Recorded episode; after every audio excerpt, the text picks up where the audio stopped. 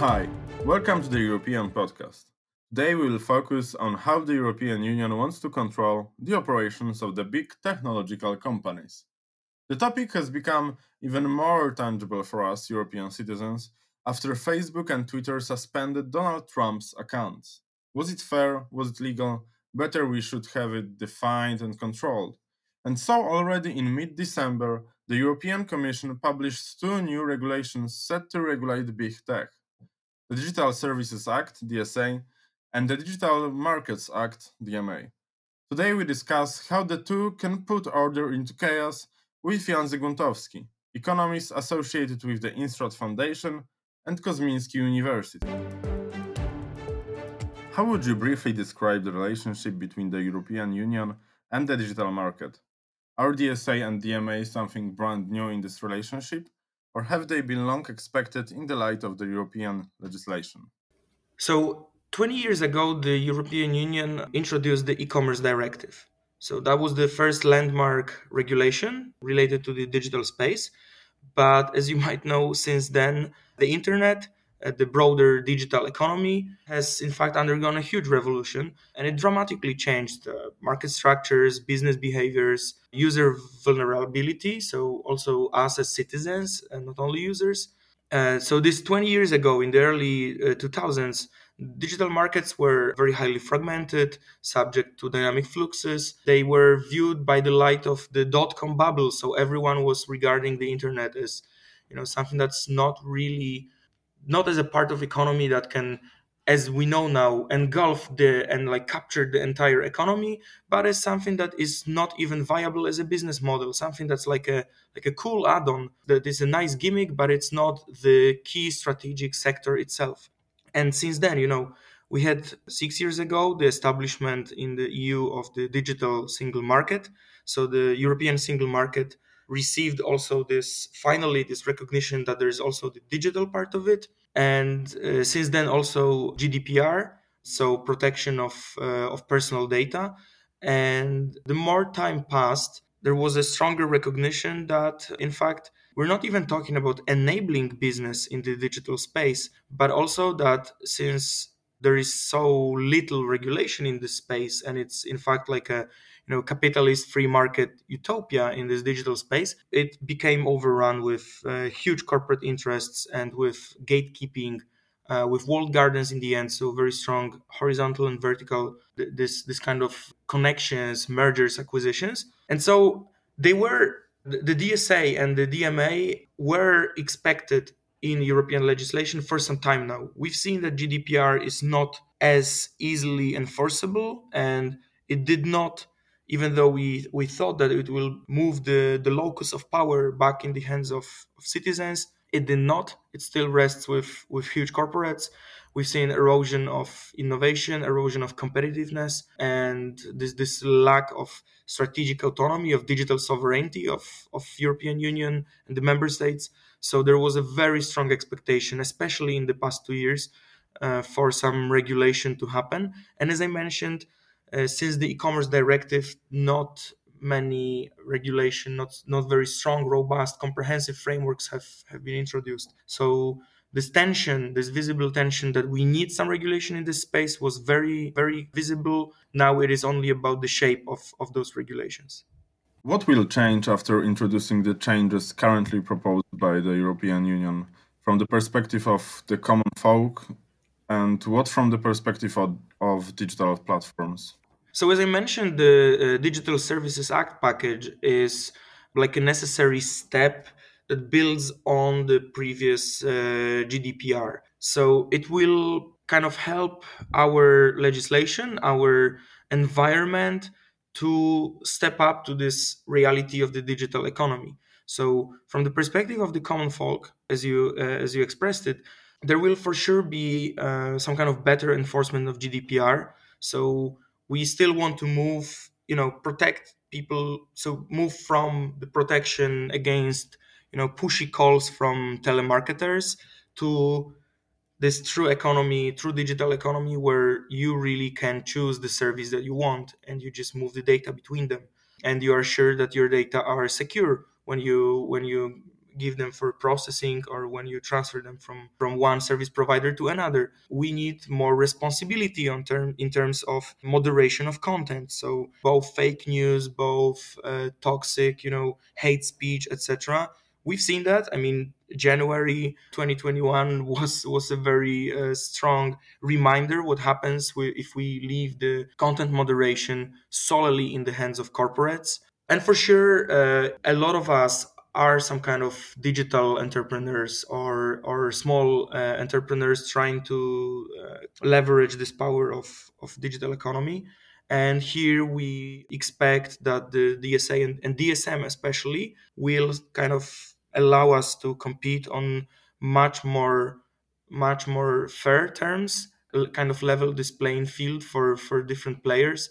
Because right now it's you as a very small subcontractor or you as a very small SME, you as a very small consumer against the platform that sets the rules and the rules are very often kind of stacked against you so that the margins are, are high and even if the, the, the, quality for consumer is good but then the protection of consumer you know this like fine print in there is uh, is is stacked against you especially if you're if you're an sme so our perspective is that at least we wish to stop the erosion of the competitiveness that we see in this space and of and of the uh, security especially that the platforms the digital, digital platforms especially big techs have been kind of swallowed spaces uh, of the public sphere. So you know from from speech to to healthcare in this covid response especially as we've seen so as they become as they as they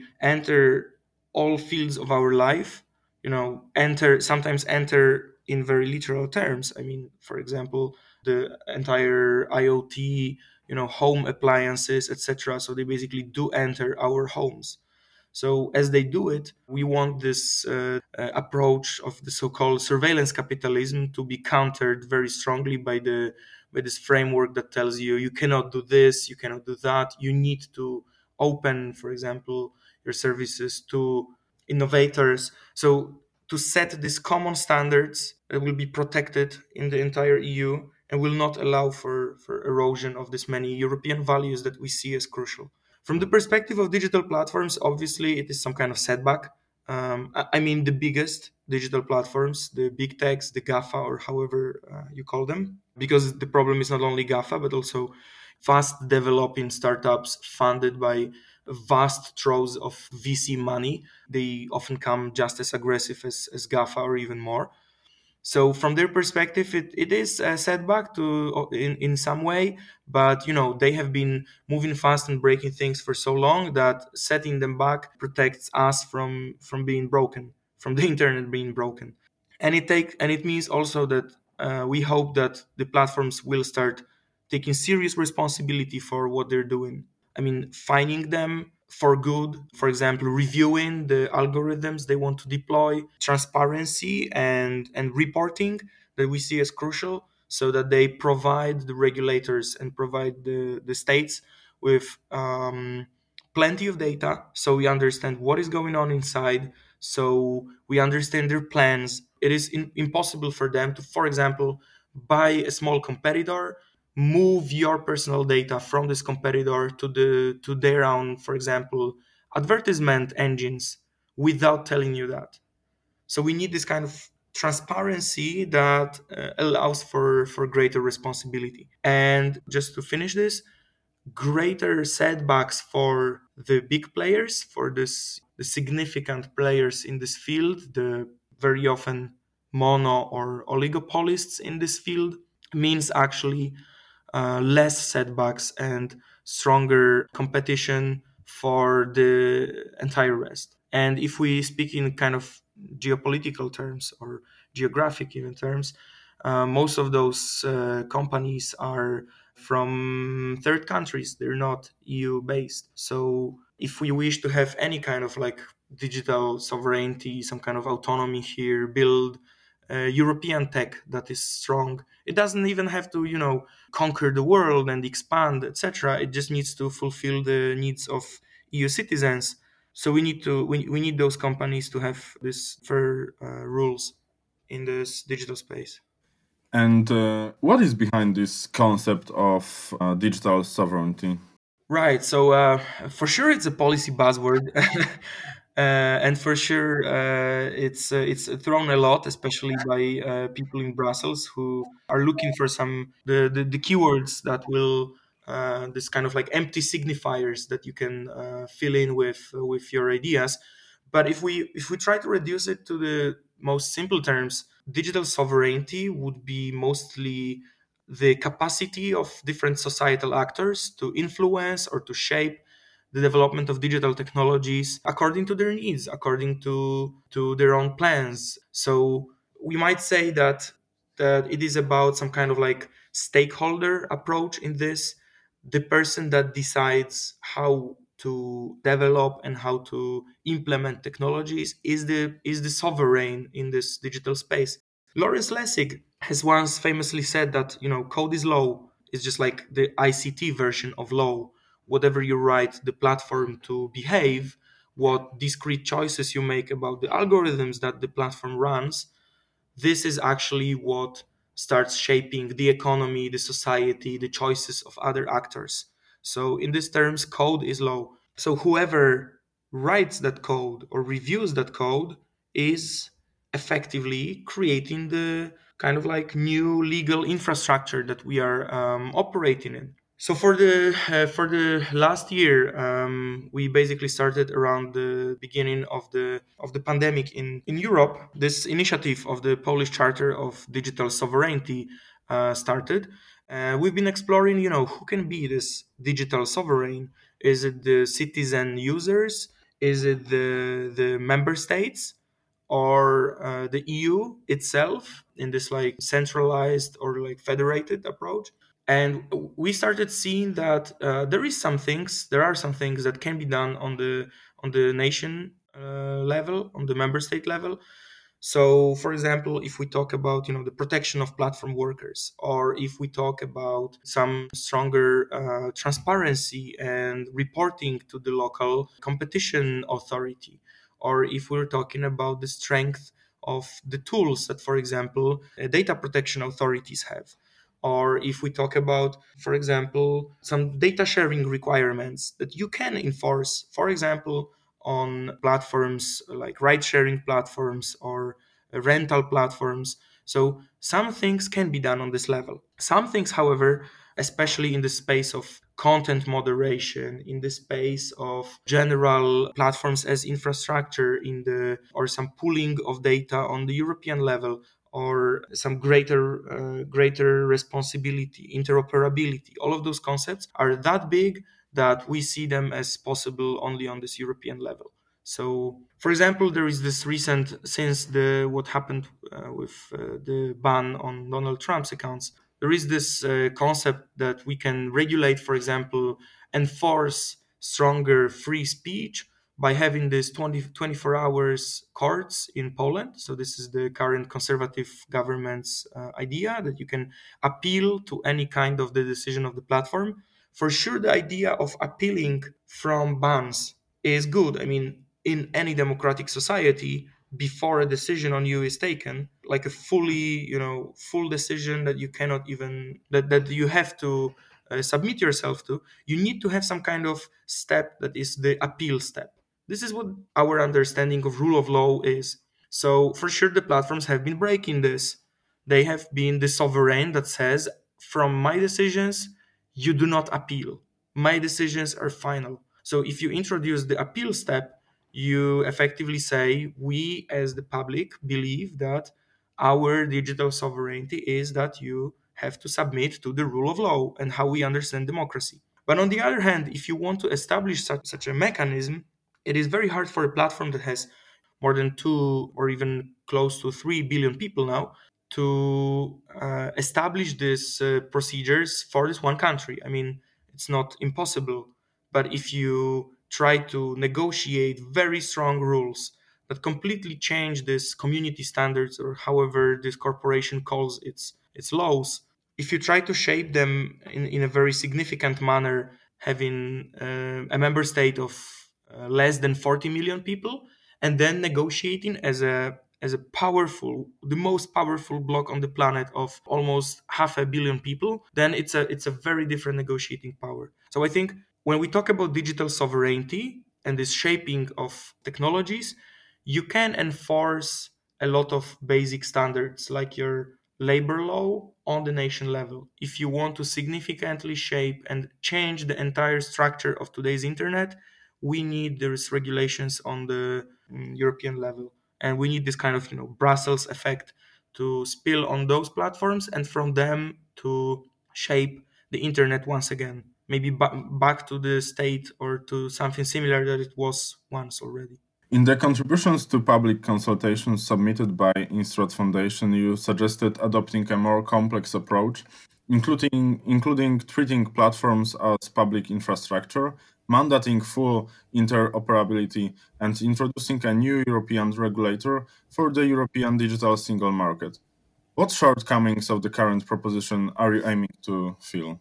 Right. So our our contributions were um, were robust. Yeah, they were complex, and I think what we've seen now, but but they were a response to to also the proposals that were discussed that the European Commission showed, and they were from very moderate to really ambitious. So it opened up this space where a lot of think tanks like like ours thought, okay, so this is the time to really think what kind of internet, not, not you know small tweaks, but what kind of digital economy do we want if it is to work, if we want to solve all the problems. From that point, now we've seen the proposals like in the in the in the draft legislation uh, is definitely a softened version. I think it kind of raises the question again whether the European Commission can, in fact, draft regulations that serve the public interest first, because it seems that their meetings with big tech lobbyists, and I'm talking even about people who are regarded as uh, competition champions, they become really influenced by by who they let in through the doors to to comment their versions so um, definitely, I mean, it's still okay. The proposal is still okay, but it is a little bit of disappointment. And uh, we, I would say that we, as as Instrat Foundation, the Polish Charter of Digital Sovereignty, definitely expect the European Commission to uh, step up the game here and listen to to the voices of experts a lot of things like for example the tailor-made remedies for these platforms. So you know not a general set of rules but the possibility to come for example to google or to facebook and say like hey we've seen that you're doing this one thing that is very detrimental to people's safety and very detrimental to the to the to the market and you need to change that. So this has been completely dropped. The interoperability watered down. So for sure if I were to mention two things that I, I think are the most uh, important, is first of all, this going back to this approach of platforms as public infrastructure. So, one of the core features of the digital markets, of their openness, of their accessibility, so what we loved in the, in, in the internet in the past and what made it such a powerful evolving space that opened so many possibilities was the huge prevalence of interoperable, by definition, interoperable standards and protocols. So they combine the low market entry barriers and also user friendliness because you can use these standards and protocols but build a stack of new services on top of them. So if you don't like a part of the service, you, you switch it. So this importance of interoperability that was in the protocols, in the standards, was really well understood in the beginning. I mean, the entire web, as we know, you you know, HTTP, so the the standard websites that we know, the emails that we use, the email protocol, all of this facilitated this rise of this first generation of online platforms, the websites, uh, the emailing services, and they use these standards to this uh, to this very moment. And it's been 20 years, and the only problem we had was kind of like spam or using uh, uh, stronger certification of safety on the on the websites. But these were really really small problems compared to what we've seen in the last couple of years with the emergence of these walled gardens. So I think we need to start seeing platforms first of all as public infrastructure. So we we we see that in this digital economy we have this tendency through uh, network effects for building of natural monopolies, But it's not the only sector that has these natural monopolies. We know, for example, the in energy markets, the transmission system operators, we know like the classic telecommunication, like phone, we know railways, right? We know we know pharma. So we know already how natural monopolies work, and we've been regulating them in the European Union in a very strong way and shaping the markets to what they should look like. So we should kind of try to take a look at these remedies that we already know and implementing them in the digital market. So first of all, decouple digital markets. We would have a digital infrastructure, a public infrastructure, very strongly regulated, basically run as as kind of like EU EU some kind of standard EU database uh, with metadata standards protocols you know established common protocols that have to be used or you're not in the in, in in our market you have to leave it and then you just enforce this interoperability between these uh, operators of platform utility and then business providing goods and services in this stack manner.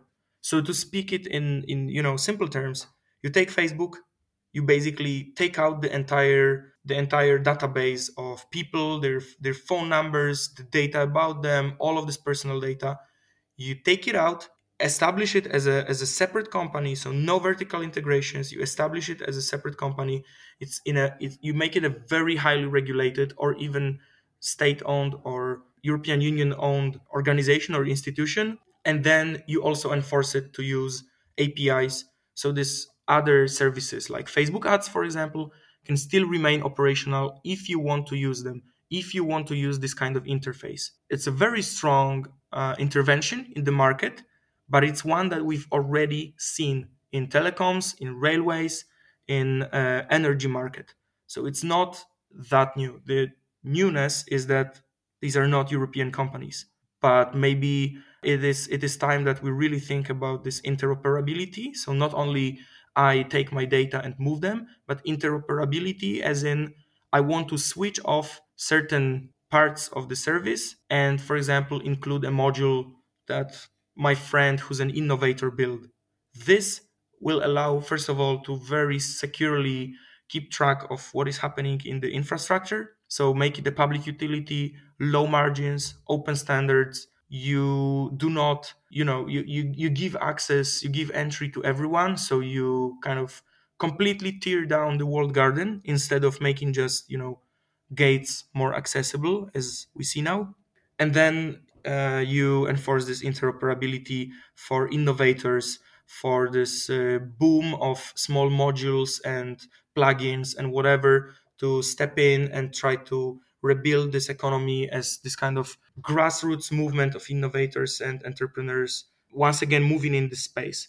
It obviously connects this or like we move here now from ds dsa to dsm much more so competitiveness but I think this is the part that we're that we're missing. So the platforms are are happy to uh, somehow start regulating content to moderate it somehow.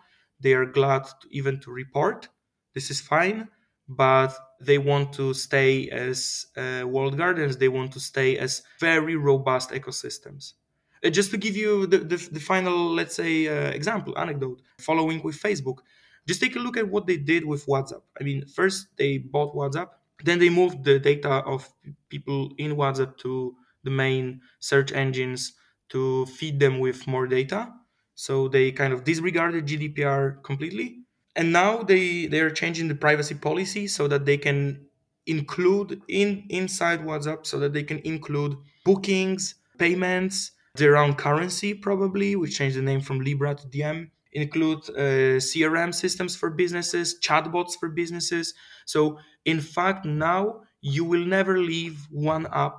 You will be able to do everything in this one app in a very, you know, Chinese manner in the end, because this is how WeChat operates. So I don't think the current idea for DSA or and DSM is comprehensive and is strong enough to stop these big tech players from creating even stronger ecosystems. And this is what these regulations should be first of all about. And do you see anyone who represents your approach when it comes to the political stage? In whom do you place your, your hopes? Um, I would say that seeing this uh, new version of DSA and DSM, I have a little bit less hope in Margrethe Vestager. So Commissioner Vestager um, was seen as this, you know, amazing face of of competition, this competition champion. But now it feels like the the ideas are very watered down, and maybe she just had too much influence, too much. She was maybe too open to listening to what the market says and th- when you want to know what the market says you're actually listening to the ones that have the most money on this market to pay different think tanks pay different experts uh, create a lot of content uh, organize huge cool podcasts forums etc etc so the loudest voice remains so here i have less hope i find myself kind of um, unexpectedly seen Commissioner Breton in better light.